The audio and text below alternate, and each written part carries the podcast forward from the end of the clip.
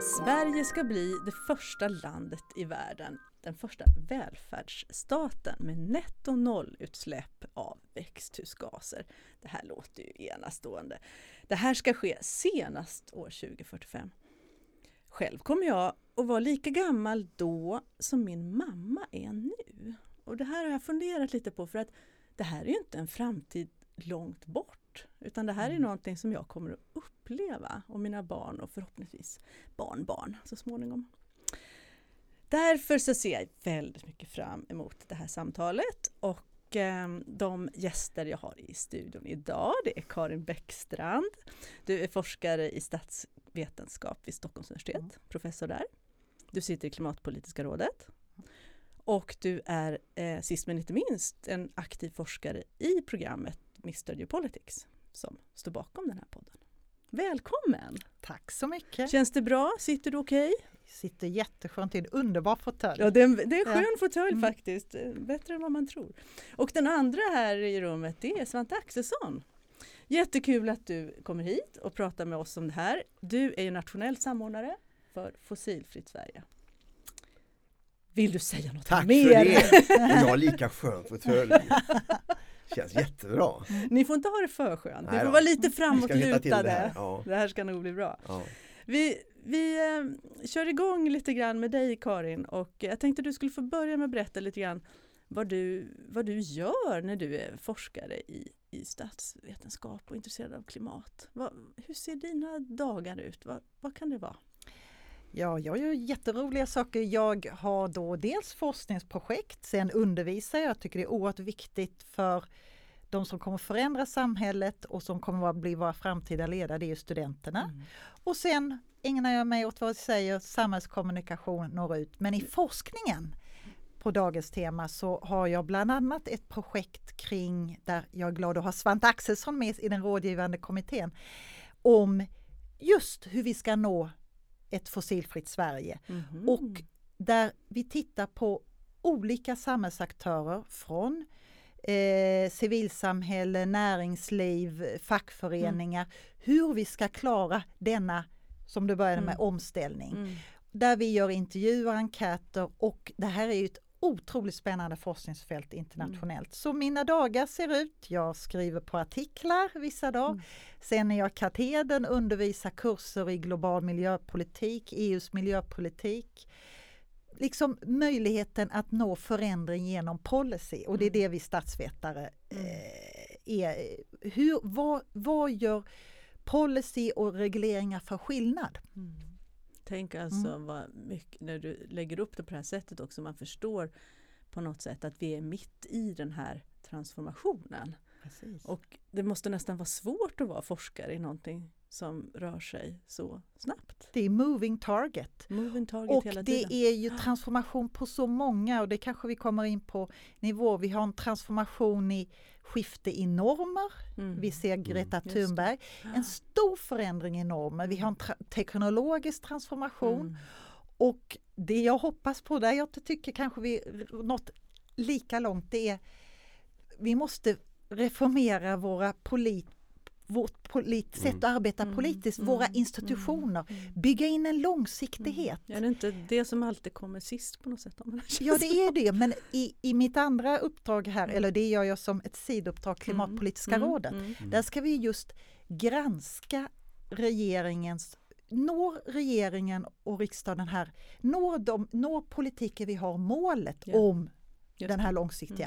Mm. Mm. Och det vi har kommit fram till, vi måste få in mer helheten. Mm. Att inte prata om klimat och miljöpolitik som ett litet område. Det ska prägla alla mm. politikområden. Mm. Så att jag tycker den största utmaningen för den här långsiktiga transformationen för eh, det är ju att, för att bli fossilfritt, det är att ställa om våra politiska system och samtidigt få medborgarnas stöd. Mm. Mm. Vilket ytterst viktigt är demokrati.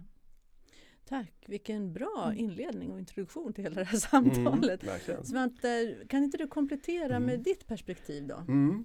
Ja, som nationell samordnare så är man ju eh, springpojke kan man säga mellan näringslivet och eh, politiken. Mm. Eh, och det är så otroligt roligt att vara en, en jojo här nu för att det är sån lust i båda lägren att snabba på omställningen.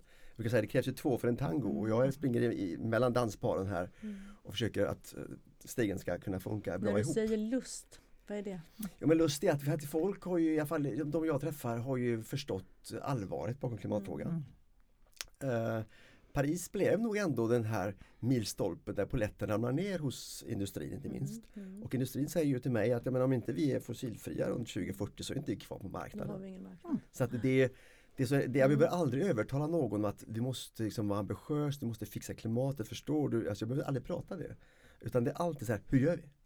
Men det här är ganska nytt tycker du? Det här är en Ja, jag tycker det har efter kommit, Paris? det har eller? säkert kanske funnits, jag har ju inte haft det jobbet så länge men, men det har varit tydligt Mm. när vi gör de här färdplanerna. För färdplanerna är ju ett instrument som vi jobbar mycket med i Fossilfritt Sverige och det är branschernas egna berättelser. Jag brukar säga det är ju både berättelsen om att vi kan fixa det, alltså man kan berätta för Greta och alla andra människor att det finns en plan Mm. eh, och den är faktiskt lönsam att genomföra.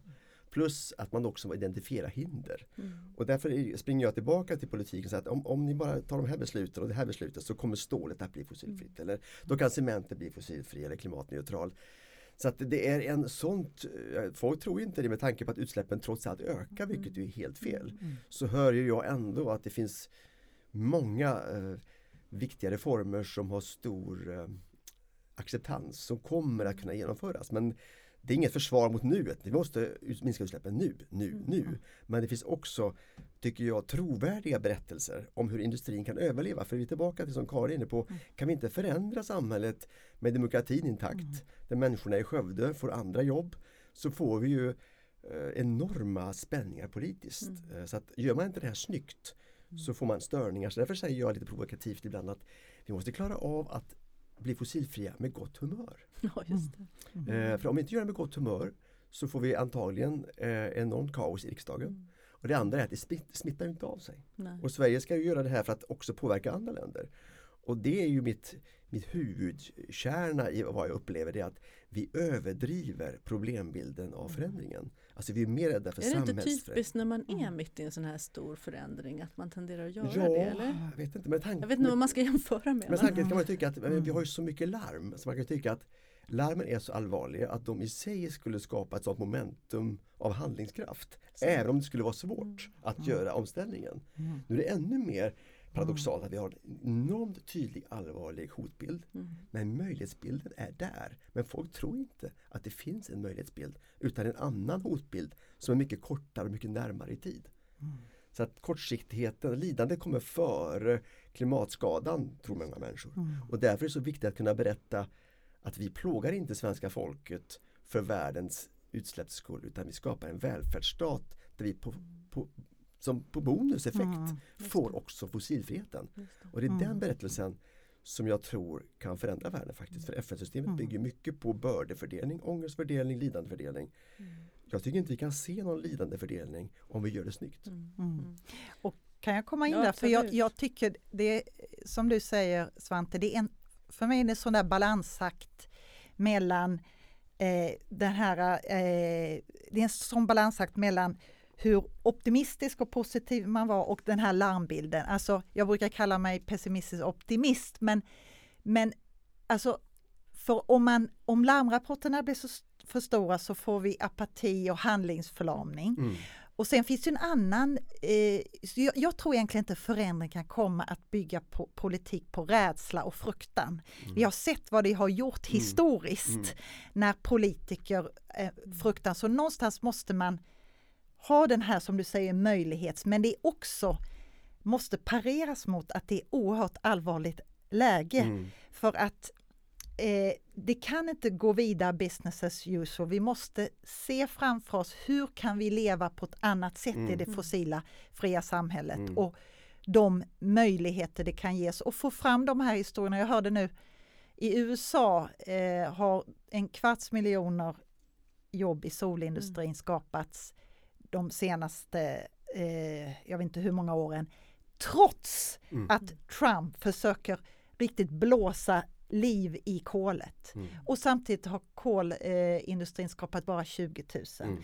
Så det är ju möjligt men jag tycker det där är väldigt svårt för man vill vara optimist men och, och få in det här, äh, hur ska jag säga, Kraften. kraften i Mm. förändringen för jag Mm. tror inte människor agerar på eh, just den här rädslan och Men det, den vi- är lite paralysering men samtidigt måste man få en nivå där man förstår allvaret så att folk tar tag i den här förändringen och Mm. ändrar något i sitt liv. Mm. Till exempel det här med nu Mm. hur många mer som åker tåg Mm. och börjar reflektera. Mm. Men hotbilden Ja. är ju, alltså det, är, det är viktigt med, med, med en hotbild, så här, Ja. sjukdomsinsikt. Ja. Men vi är ju mer rädda för medicinen än för sjukdomen. Och då tänker jag, då är vi okunniga om hur skönt det är att tågluffa. Ja.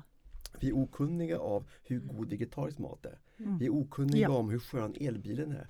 Vi är okunniga om hur vi kan skapa mobilitet utan privat ägande. Mm. Så att när vi säger att du ska nolla ett utsläpp, Mm. då skapar det ångest. Mm. Om du inte har väldigt bra fantasi. Och det är ju många fler värden än bara bli klimatneutral eller fossilfri. Så jag börjar tänka att Mm. vi kanske inte ska prata så mycket om fossilfriheten för det sätter igång så märkliga Mm. reaktioner i skallen på oss. Om vi pratar om bullerfri stad eller frisk luft eller Mm. kanske mer ledigt på sikt. Alltså vad är det för framtidsvisioner vi längtar efter? Mm. Och då tror jag att vår längtan inte hotar klimatet.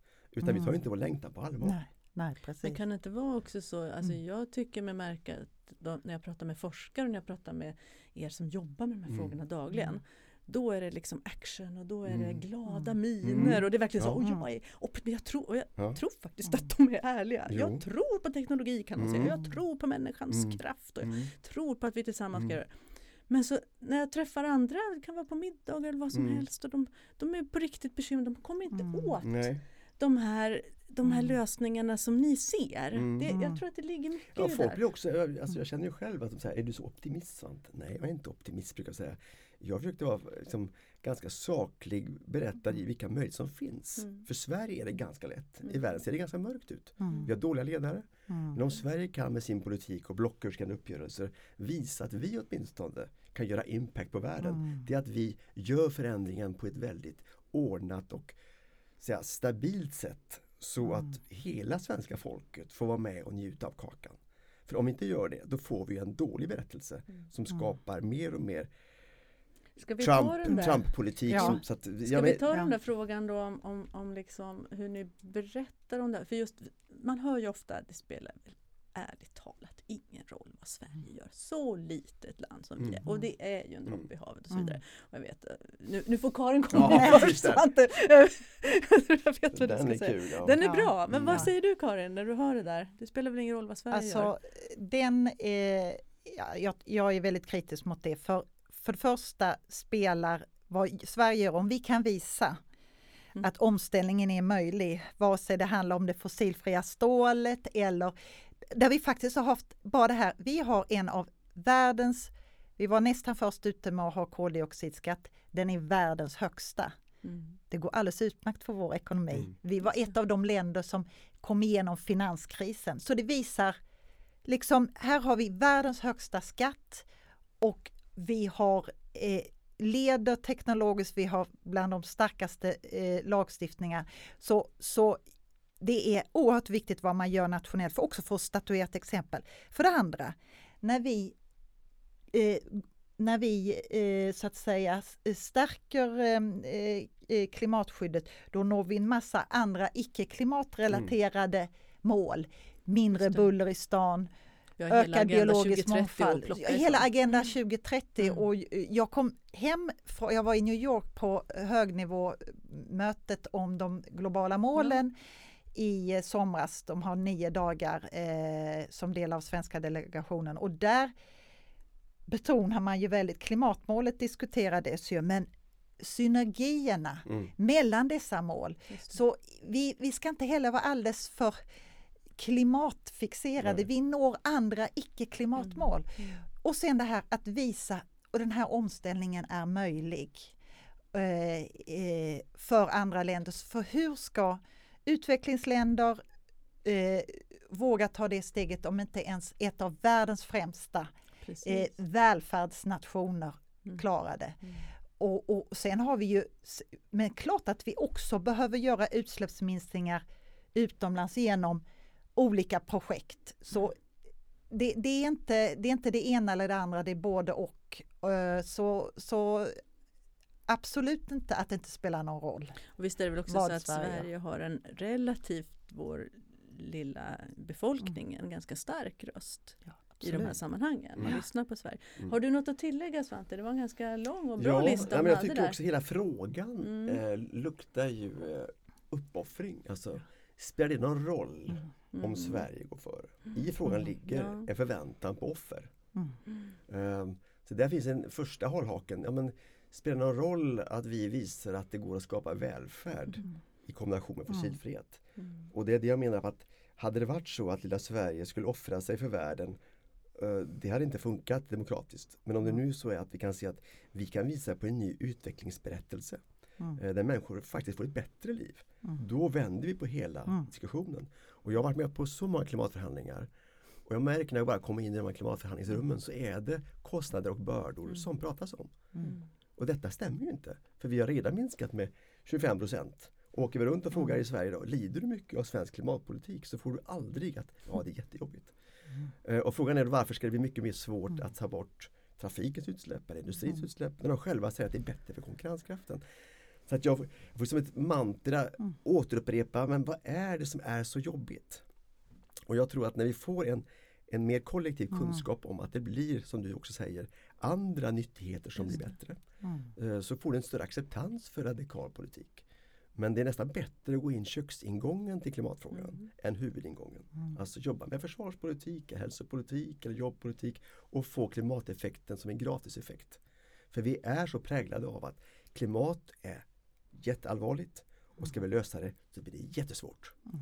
Och Men varför ska vi gå före då? Ja. Det är ett Men du är lite problem. inne på det också Svante vet jag att Sverige kan gå före just med den här typen av inställning till det. Ja, Där kan vi ja, också betyda för jag, alltså, det kan låta Att det inte lite, bara är lidande. Mm. Alltså jag, jag vill eh, säga att nu finns det teknik, ekonomin talar för, men vi tror inte att det går.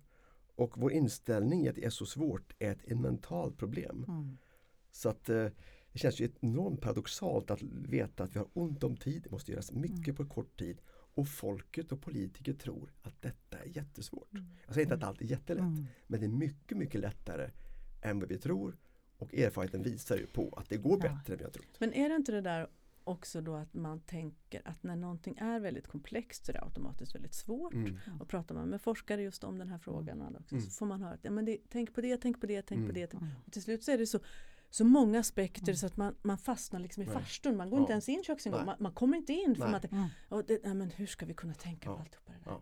Och så säger vi samtidigt att vi ska sluta tänka i silos. Mm. Utan vi ska tänka helhet. Ja men då mm. blir det ju sådär mm. komplext. Och så fastnar man igen. Jag, så det är svårt. Och jag tror också, bara kort att det, mm. det är klart det verkar så här logiskt att tänka så att man har snackat klimat nu sedan 1992. Och problemet har varit känd i många, många år. Om det var så lätt Svante som du säger, då borde vi väl ha gjort det. Jag tror det är den logiken som gäller. Mm. Det måste vara jävligt svårt det här. För man har vetat om mm. problemet i så många år och inte vågat suga tag i det. Alltså är det en enormt smärtsam medicin. Man skulle inte kunna säga att det är på gång nu? Vi är inne i det? Att jo, det faktiskt är så? Att... Ja, och det kanske var mycket, mycket svårare om man skulle ställa om mm. världen eh, 2005.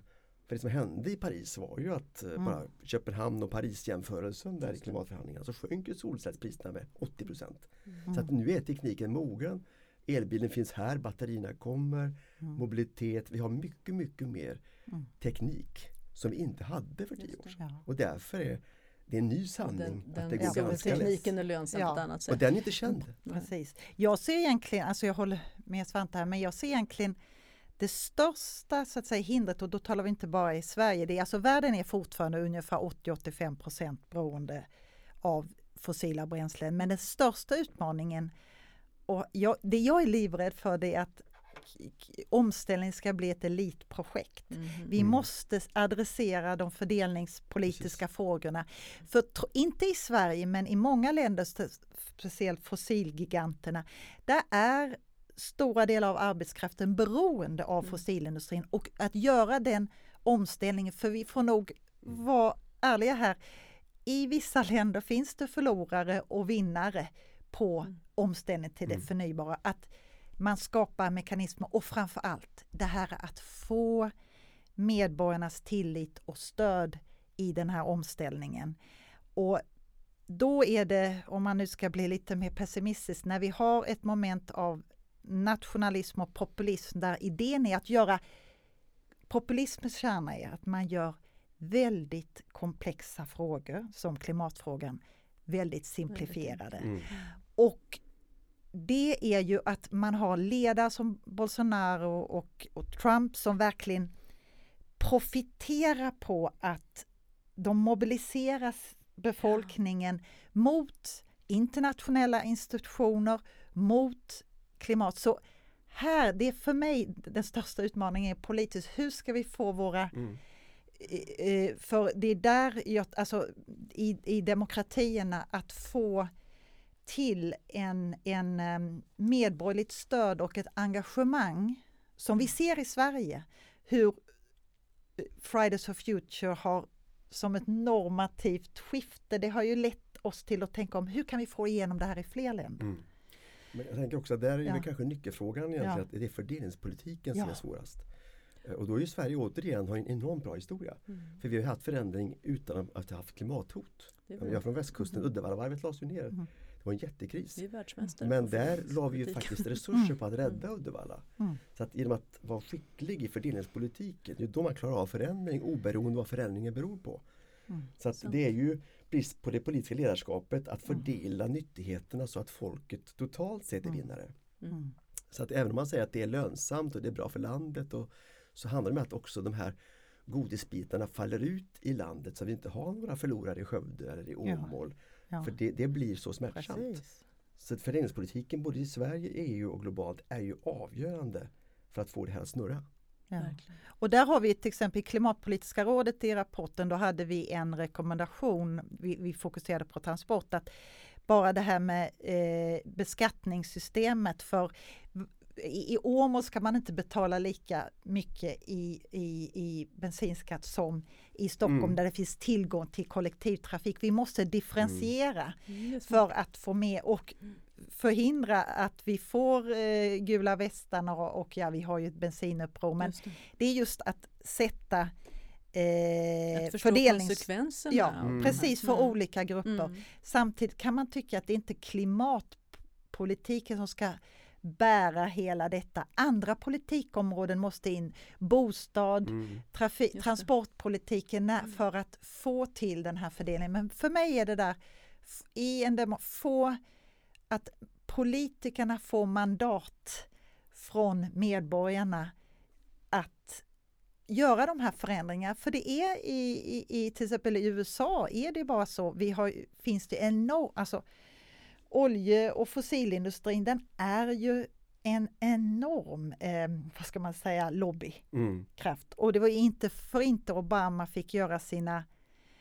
Det var i sin andra period han Mm. kunde driva på mer av klimatlagstiftningen. För det är en väldig risk för politiker i just de här fossilgigantländerna. Mm. Att, Mm. och det, det ska vi, många, ibland tycker jag eh, eh, politiker får ett väldigt, nu är det en grupp som man minst, minskat förtroende för, men det är inte lätt ek- ekvation. Man Mm. ska bli omvald Mm. och vi får ibland de politiker vi Det förtjänar som väljare. Mm. Mm. Men det är Ja. intressant att tänka att, Ja.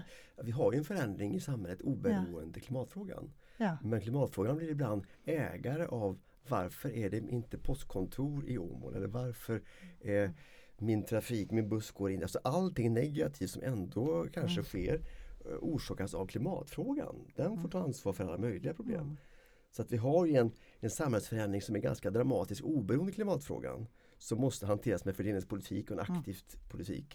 Vi Så måste att populisterna använder klimatfrågan för att Mm. liksom, det är orsaken till allt ont Mm. Mm. som man upplever Mm, i vardagen. Men du beskrev det ju som springpojkar mellan liksom industrin och politiken. Och när du springer tillbaka till industrin då Mm. med de här utmaningarna. Vad, vad säger då de här stora Alltså, vi har ju energibolagen Mm. i och för sig men vi har ju också konsumtion Mm. ligger ju Mm. jättehögt Mm. om man tittar på svenskarnas Mm. utsläpp. Och, och, och de, de som eh, säljer och producerar och marknadsför de här snabb kläderna brukar jag kalla det Ja.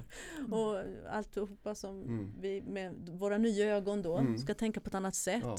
Hur, hur, alltså är Mm. de så vansinnigt positiva egentligen? Eh, vissa som säljer produkter är ju inte vansinnigt positiva utan de vill ju nå sin dröm med en, en eh, ekonomi och lönsamhet. Mm. Så att företagen är ju inte onda eller goda. De, de spelar ju på en plan Mm. och vi kan ju ändra spelplanen så att ett Riskerna nytt spel blir lönsamt. Mm. Eh, Så det är upp till politiken igen, vilket samhälle vill ni ha? Då gör ju företagen ungefär vad vi vill. Eh, Men jag tänker också att den här berättelsen, att vi också har en förmåga att ta in alla frågor och svåra frågor på en gång. Mm. Jag brukar tänka mer i form av, av stugvandring eller man tar steg för steg. Och Mm. jag tror man ska inte blanda ihop för mycket konsumtionsutsläppen med produktionsutsläppen. Sant. För att Mm. eh, Sverige kan bli, det är det färdplanerna pratar om, att vi kan få stålet, cementen, byggnader, alla de där svenska utsläppen Mm. kan bli fossilfria med bättre konkurrenskraft. Men hur blir det då med mitt sätt att leva? Svenskens utsläpp är ju inte noll, Mm. fast Sverige har noll. Och då är vi också väldigt beroende av andra länder. Alltså Mm. kommer Kina ställa om? Kommer Tyskland ställa om? För allt blir ju äckligt när man köper från Tyskland för det är så mycket kolkraft i Mm. ledningarna. Så att även där tycker jag måste nyansera liksom, vad är där vi har mandat och rådighet och vad är den Mm. första berättelsen? Jo, det är att nolla alla produktionsutsläpp i Sverige. Mm. Att sen ska svensken bli klimatneutral eller fossilfri. Mm. Det är väldigt beroende om hur fort våra handelspartners ställer om.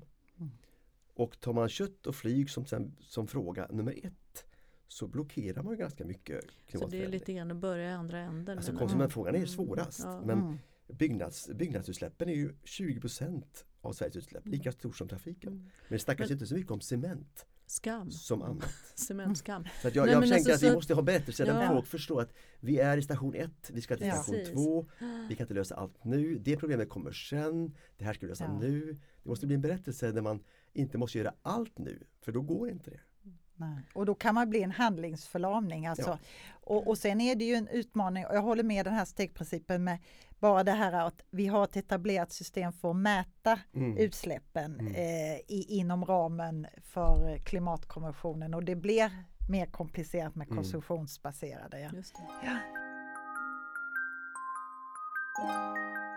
Vi ska ge ett litet boktips. Ja, Så ni har fått eh, ta med varsin bok. Eh, Karin får börja. Vad vill du ge lyssnarna för eh, boktips? Ja, med dag, tanke då på dagens tema Mm. här så har jag en bok som jag blev oerhört inspirerad av både när jag eh, startade det här projektet kring Fossilfritt Sverige, men jag har också använt den i undervisningen. Den heter The Politics of Green Transformations. mm. Hur ska politiken för att de här gröna och fossil, de skriver ju om klimat, ske? Hur sker förändring? Och de här internationellt ledande forskarna, eh, flera stycken, beskriver i stort sett, alltså det måste ske på fyra nivåer samtidigt. Dels är det det vi diskuterat, den teknologiska förändringen. Mm. Dels har vi eh, för det andra då ekonomi, vi behöver en kapitalist 2.0. Mm. Ett eh, eh, avkolifiering eller decarbonization of eh, economy. Och sen eh, behöver vi det vi ser växa, vad ska man säga, civilsamhälle, bottom-up, alltså medborgardriven förändring. Och sen det som lite är min forskning, eh, den statsledda eh, transformationen, alltså staten. Institutionerna. Ja, institutionerna. Mm. Och eh, det finns ju mycket forskning nu om att man har ju talat om statens roll historiskt, man talade om krigarstaten, man talade om handelsstaten, eh, sen kom välfärdsstaten. Och nu forskas det mycket och de skriver om det här, den nya fasen av den gröna staten där Mm. i framtiden stater som är ju motorerna, det är staterna som ska rapportera in sina planer. Det är grund... Alltså, Mm. Parisavtalet är ju en, vad ska man säga, alltså grunden för det är ju att staterna ska eh, råd- lägga råd, sina- ja, och, och utveckla sina nationella klimatplaner Mm. och utveckla sina eh, eh, fossilfria eh, planer för samhället i stort och få med aktörerna. Så den här boken tittar ju då på, de här transformationerna, den teknologiska, den ekonomiska, den medborgardrivna och staten, den institutionella. Och det behöver ju ske samtidigt och den argumenterar det går. Eh, sådana här samhällstransformationer har skett mm. från industrialism, eh, från jordbrukarindustrialism, postindustriella samhället och nu det kolsnåla. Men det krävs, och här tror jag, jag kommer tillbaka till det, ett politiskt ledarskap mm. Som vi behöver nu mer än någonsin. Eh, och vårt förändrade sätt i, i politiken, tänka mer långsiktigt, helhetligt systemtänk mm. och att få med sig medborgarna. Så mm. den är ytterst inspirerande, en balans mellan i och för sig en väldigt allvarlig bild men eh, eh, också finns där möjligheter och nu ser vi ju inte den bilden men det är vi ska lägga ut den. Ja. Vi lägger ut bild och eh, hur ni får tag i boken på, ja. på hemsidan. Mm. Tack Karin, vad vill du rekommendera? Ja, jag har fått en annan mm. bok mm. som jag tycker är spännande. Det handlar väldigt mycket om hur människor mår och har det. Mm. Uh, det är Lasse Berg, Gryning över Kalahari. Ja, den är bra. Den är bra. Det är en bra bok. Det går tillbaka till den stora frågan, vad längtar vi efter? Mm. Uh, för jag, vill, jag, tror att man ska faktiskt återigen inte fokusera på att bara ta bort de negativa händelserna i livet utan tänka hur ska vi livet bli bättre? Mm. Och då finns det lyckoforskning mm. som ju han tangerar här kan man mm. säga. Vad är det för längtan vi har? man man skulle samla människor i en grupp och sätta upp lappar. Vad, vad, vad drömmer ni? Vad längtar Vad vill ni ha mer av? Alltså vilken tillväxt vill ni ha? Det kanske handlar om mer gemenskap, mer dans, mer musik, mer god mat, uh, uppskattning, respekt. Alltså det finns massa saker. Och det hotar ju inte klimatet utan det är snart de kan ju rädda klotet om vi kanske lyssnar lite på vad vi egentligen vill ha. Mm. Och då tycker jag det är så fint när han pratar om att människan har ju haft ungefär samma behov i flera tusentals år. Eh, mm. Vi har inte förändrats så mycket. Vi har ju samma ungefär, det är stenåldersmänniskor som sitter här. Och, mm. och vi, vi, tycker om att röra kroppen, vi tycker om att uh, umgås, vi tycker om att småsladdra lite, vi tycker om det där. Och det upplever ju han när han åker runt i världen att det är väldigt lika grundbehov vi har. Och sen tycker jag att han har en en minirosling också i boken mm. när man pratar om att mm. men folk får det bättre. Det. det. är inga stora nyheter i mm. Dagens Nyheter men jag åker runt i samma byar gång på gång och ser hur mår de nu då? Mm. Och den här berättelsen tycker jag också mot barnen tänker jag som i dagens samhälle bara får höra negativa saker. Alltså, ja. Mänskligheten är på väg mot ett bättre samhälle. Men vi har rejäla gupp och vi har bakslag men vi är på väg mot ett bättre samhälle. Och det kan vi också säga att vi har tagit några rejäla kliv jämfört med hur det var på 50-talet. Mm. Så att det finns en, en, en grund, ja, slags optimism kanske men en spegling av att det ändå blir bättre för många människor. Men också med en utgångspunkt i människans grundbehov och då, då är det ju inte att vi vill ha nya skjortor och kavajer och fräcka bilar. Alltså det är inte det som är vår, vår yttersta drivkraft. Utan Men finns det inte behov. väldigt mycket av den här statusjakten också inbyggd jo. i oss och som ta, har tagit sig bisarra uttryck mm. i fossilekonomin. Ja. Mm. Den får liksom hitta andra ja. vägar nu då. Ja, mm. och det kan man ju se att statusjakten eh, den finns ju säkert i alla byar på olika sätt men det roliga är ju att status idag är att inte flyga så mycket. Mm. Att äta mer vegetariskt. Att I alla fall köpa vissa, solceller. Är, det, är, alltså, är, vi inte i olika bubblor här nu? I ja, våran bubbla är det så. Men, men statusliga, ja. som att undersökningar visar på att liksom, det som uppskattas nu hos människor mm. det är faktiskt att man gör handlingar som gör att andra också får det bättre. Är det här mm. du, du menar med normförskjutningen mm. Karin? Ja, alltså jag, där måste jag säga att där är jag eh, ganska mer optimistisk hur snabbt normförskjutningar mm. kan gå. Eh, vi kan ta ett e-, exempel, annat exempel, inte från klimat, men i, i synen på hbtq och gayrörelsen. Mm. Mm. Alltså, på, det säger sociologer, om vi ser den förskjutning nu i USA som ett konservativt land där en, en nu 60-70 procent mm. tycker att samkönade äktenskap är eh, Okej, okay, det är en enormt mm. snabb förskjutning mm. över hela världen. Mm. Och jag tror samma gäller eh, klimat, alltså den här norm och den är, den är väldigt viktig och, och oftast, jag är ju i sig kritisk mot att man använder eh, symbolpolitik. Jag vet att den här flygskatten, den hade ju inte mm. sån effekt på utsläppen och det kanske inte elcyklar har. Den debatt. Den, den satte igång och mm. det kan ibland vara så att policy sätter igång debatter. Det är samma när vi hade en lag mot aga i Precis. Sverige. Just Ja. det. I, det, det är enorm förskjutning. Mm. Ja visst är det fruktansvärt att det sker barnmisshandel men det är, huvudgrejen är det är inte acceptabelt. Nej. Och så jag tror de här exemplen, gayrörelsen och nu kring klimat men även när, alltså det kan ske snabbt. Så Mm. ja, ja, och nu med det här momentumet Mm. eh, Fridays for Future, Greta Thunberg, vi pratar mer om det. Så där är jag lite optimistisk Mm. faktiskt. Det går snabbare nu, Mm. normförskjutning, också för att vi lever faktiskt på grund av so- social media. Det går Mm. väldigt snabbt. Det blir också negativt. Vi, vi ser ju de negativa, men här är det något positivt. Och det tycker jag Ja. tangerar också det här Ja. Hur man vågar tro något gott om framtiden. Om man låser tekniken och låser värderingarna så ser det, väldigt Mm. svårt ut. Men om man också att det- vi kommer att förändras liksom har förändrats tillbaka Mm. i är tiden. dynamiska Rökförbudet. Ja. var ju inte så populärt. Nej. Mm. Vem vill röka idag? Mm. Eh, Den här diskussionen om mer Ja. vegetariskt, den bara rullar på. Ja. Eh, Jag tror att tågluffandet tog ju, att det dubblerades tror jag i år. Eh, Ser man på Facebook inläggen så är det ju stolthet över att nu tågluffar jag, det är jättemysigt Mm. för barnen. Mm. Alltså vad, tror vi att det vi tycker är kul och roligt 2040 är helt andra saker än idag. Mm. Och det är det som skapar möjligheterna. Mm. Ja det är häftigt hörni. Jag, jag, jag känner att jag blir allt mer optimistisk jag också. Ju längre programmet går. Det är ju tur det. Hörni. Ehm, jag skulle vilja eh, vi ska avrunda strax men jag skulle vilja återkomma till det som är utmaningar och när ni pratar om det här med berättelsen att få er att konkretisera lite vad ni skulle kunna bidra med där och vad olika aktörer i samhället kan, kan göra. När ni säger att, att det faktiskt går att förändra, och det, vi är mitt i en stor förändring Mm. och så vidare.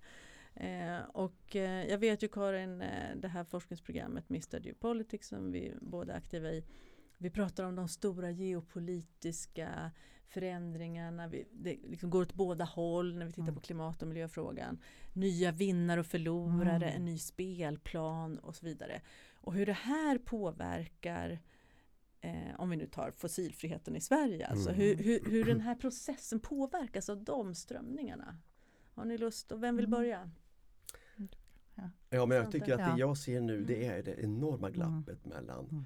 vad människor i allmänhet tror är möjligt och vad som händer kontra det som vissa ser händer Mm. Mm. och eh, okunskapen om den här Framtida kommunikations... Mm. Det är ett kommunikationsutmaning för att Mm. det, folk är jätteoroliga för man vet för lite om vad som kommer att hända.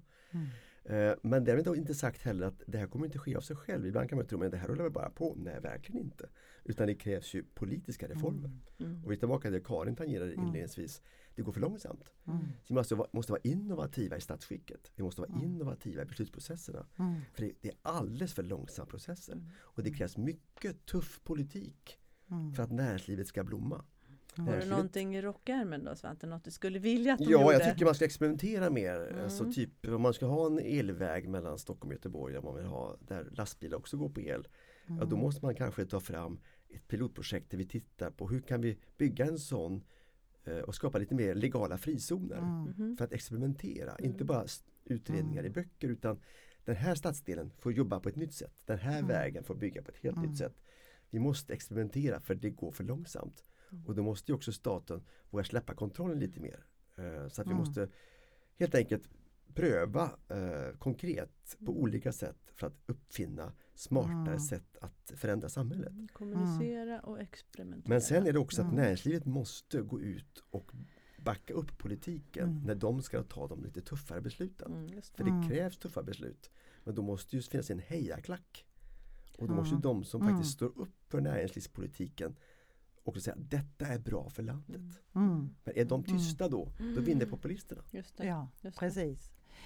Alltså jag tror ju i det här som du säger väldigt snabbt förändrade geopolitiska läget. ehm, vi har, ehm, jag menar, eh, vi, vi kan diskutera geopolitik väldigt centralt men, men en sak som jag tror och för alla eh, länder det är det här att jag kommer tillbaks till statens roll för vad vi än det är 196 stater i världen. Mm. De kommer vara motorerna, de måste vara, det, andra aktörer är jätteviktigt men staten skulle jag säga har fått en ny roll i omställningen. Staten har, ska inte bara reglera, den ska facilitera, den ska Mm. bli det är mellan staten och Mm. det ska bygga koalitioner. Eh, Och, och jag tycker Fossilfritt Sverige, och där är jag väldigt stolt över Sverige, folk kommer ut och säger, pratar ju wow, här tar ju Sveriges regering ett initiativ där man bygger koalitioner Mm. med företag, fackföreningar, civilsamhälle, näringsliv.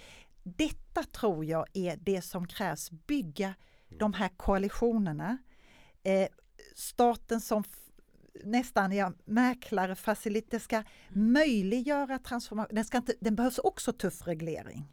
Jättetuff, Mm. men Mm. också det här samarbetet och, och bygga de här för den här förändringen så ska man till exempel få med sig fackföreningarna Mm. jobbar ju jättemycket globalt. Mm. Hur ska vi liksom, vad, hur ska i, i, i det fossil, de som är kvar i fossilindustrin, vad ska de, hur ska de kunna omskolas, få nya jobb?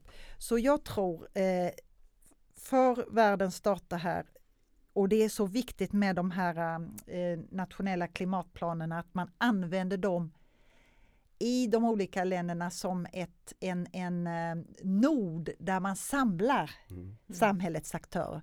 Nu är ju det, det gör vi i Sverige, är vi världsbäst på det också genom vår konsensus, Mm. Saltsjöbadsandan.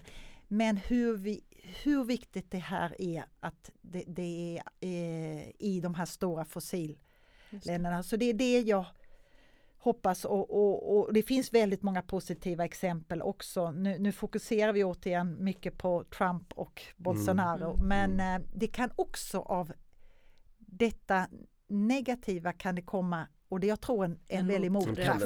en pendel. Så Mm, pen, det är väl gärna jag, jag börjar tro att, alltså jag, och en del av de som forskar på det här säger att nationalism och populism börjar pika nu. Mm. Alltså. Mhm. Vi ser, EU-valet var ju faktiskt Ja. första signalen ja, där man fick en annan vind. ja precis. Så att jag, jag börjar också känna att nej, men nu har nog den pendeln gått i ytterkant. Ja, Eh, Men det är ju tillbaka till att liksom skapa en positiv framtidsvision. Ja.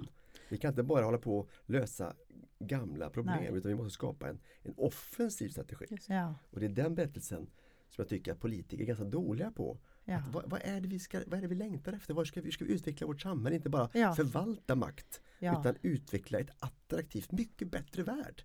Alltså få Ja. den här längtan till jäklar, vi kan ju fixa detta och det kan vi ju. ja. Varför har vi svältande människor, 900 miljoner som svälter dagligdags? Ja, det Det är inte bara klimatfrågan. Nej.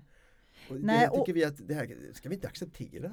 Och Mm. haven och allt, vi har ju massa olika problem. Mm, Och kan vi få den här ledarskapet som är, vi kan skapa en bättre värld. Är ni med? Vill ni vara med? mm, Då kommer ju alla ungdomar att vara med. det mm. Ja, och det här eh, som så att säga, jag- tycker precis som vi byggde välfärdsstaten, det var ett Mm. kollektivt projekt där Mm. man i en, eh, där, vi alla har våra, eh, så att säga, erfarenheter av det här. Och där måste jag säga, Göran Persson pratar om det gröna Mm. folkhemmet och nu har vi den fossilfria välfärdsstaten. Men Mm. jag tycker, jag håller helt med att politiker måste ta mycket mer det här långsiktiga narrativet Mm. Mm. och, och, och se möjligheterna med detta. detta. Jag, jag tycker dock i, senaste valet, där var det mer klimat Mm. än någonsin i en Mm. valkampanj. Mm. Men fortfarande är den här äh, väldigt inkrementalistiska, man vågar inte ta ut de här visionerna. Och kanske är det Ja. återigen att man försöker tänka att vi ska skapa en bättre värld som är vår Ja. första fråga. Och sen hur löser vi klimatet då? Mm. För blir det bara att lösa klimatfrågan så blir det en slags negativ debatt Mm. där man kommer till noll och inte till plus. Mm. Hur man- får vi start- det här och det här och det här samtidigt Mm. Ja, som Så vi... att jag, tror man ska Mm. börja diskutera hur ska vi ha det framöver? Vad är det, vad är det för, för, för samhällsmodell som vi längtar efter? Hur ska världen bli bättre? Och på vägen givetvis fixa fossilfriheten. Men om det bara är krishantering av olika problem Mm. så får vi ingen, ingen kraft i ett nytt, ett nytt kontrakt, en ny Mm. Framtidsmodell. För Mm. vi behöver förändra ganska mycket. Ja, Mm. men det är så paradoxalt redan när du säger sådär så är du liksom, måste du liksom försvara det på något sätt. Ja, Så det, det Mm. ligger i sakens Ja, natur ja. Att, det är en, Mm. att det är en omställning. Hörrni, eh, jag har en lite fånig fråga också innan jag släpper Okej. det från studion och det är ju så här, jag vill ju låtsas nu då att ni blir eh, inbjudna till New York och Mm. så ska ni Mm. och där sitter publiken och inte bara det utan det är hela FNs säkerhetsråd som har inbjudit dig för att tala. Mm. Och vad är rubriken för ditt anförande? Jag, jag tror att Svante får börja. Okej. Jag kommer nog att citera Martin Luther King och säga Han sa inte I have a problem Mm. utan vi måste formulera en dröm Mm. och då friar vi för mycket andra låsningar än Verkligen. bara prata problemhantering. Mm. Han sa inte I have a problem. Det blir din rubrik. Har, Mm. du, har du någon bra rubrik Karin? Eva, jag har funderat på detta. Men jag, har, jag, jag måste ta hem och fundera. Jag Nej får det får du inte göra. Vi hjälper dig. Vi, vi Ja. kommer på något här och nu. Ja, precis. Den, den här Du var sa ju grym. jättemycket bra. Alltså jag, Ja. jag skrev en sak här, Ja. ett ord som jag liksom Mm. noterade. Det var att staten ska, stat, Mm. här har du rubriken, staten facilitator för omställningen. Alltså någonting sånt, förstår du? Ja, ja Alltså precis. facilita- Att facilitera, en ny roll för staten, någonting Mm. sånt. Ja, Det är inte- Staten kapitalet. ja, Vi kan ju sjunga ja den den är ju bra. Den är ju bra. För staten och kapitalet måste staten och göra kapitalet. De måste gå samman igen Ja. här. Och, vi ja, staten och kapitalet för, i den gröna omställningen. Ja det är Ah, det är det, är rocklåt. väl, det, är, väl- det blir rock'n'roll Ja absolut, kan vi väl kanske stå bakom henne och köra lite dans. Såklart, ja men vi, vi, vi är med. Det här, det här Ja, tycker jag. Jag är glad att vi fick sluta i rock'n'roll. Ja. Jag tror att det liksom hjälper upp de här berättelserna. Mm. vi Ja, ska kultur ut är viktigt. Ja, Det är precis. superviktigt. Mm. Jag vill eh, med detta tacka så hemskt mycket för att ni kom hit. Bäck- Bäckstrand och Svante Axelsson. Ut och eh, gör nu ert värv och gör det med glada miner. Och så önskar jag eh, lyssnarna välkomna till nästa episod av En värld i förändring. Tack ska ni ha för idag. Tack, Tack så så mycket. mycket. Tack som kom. Tack. Det här var ett avsnitt i poddserien En värld i förändring från forskningsprogrammet Miss Geopolitics.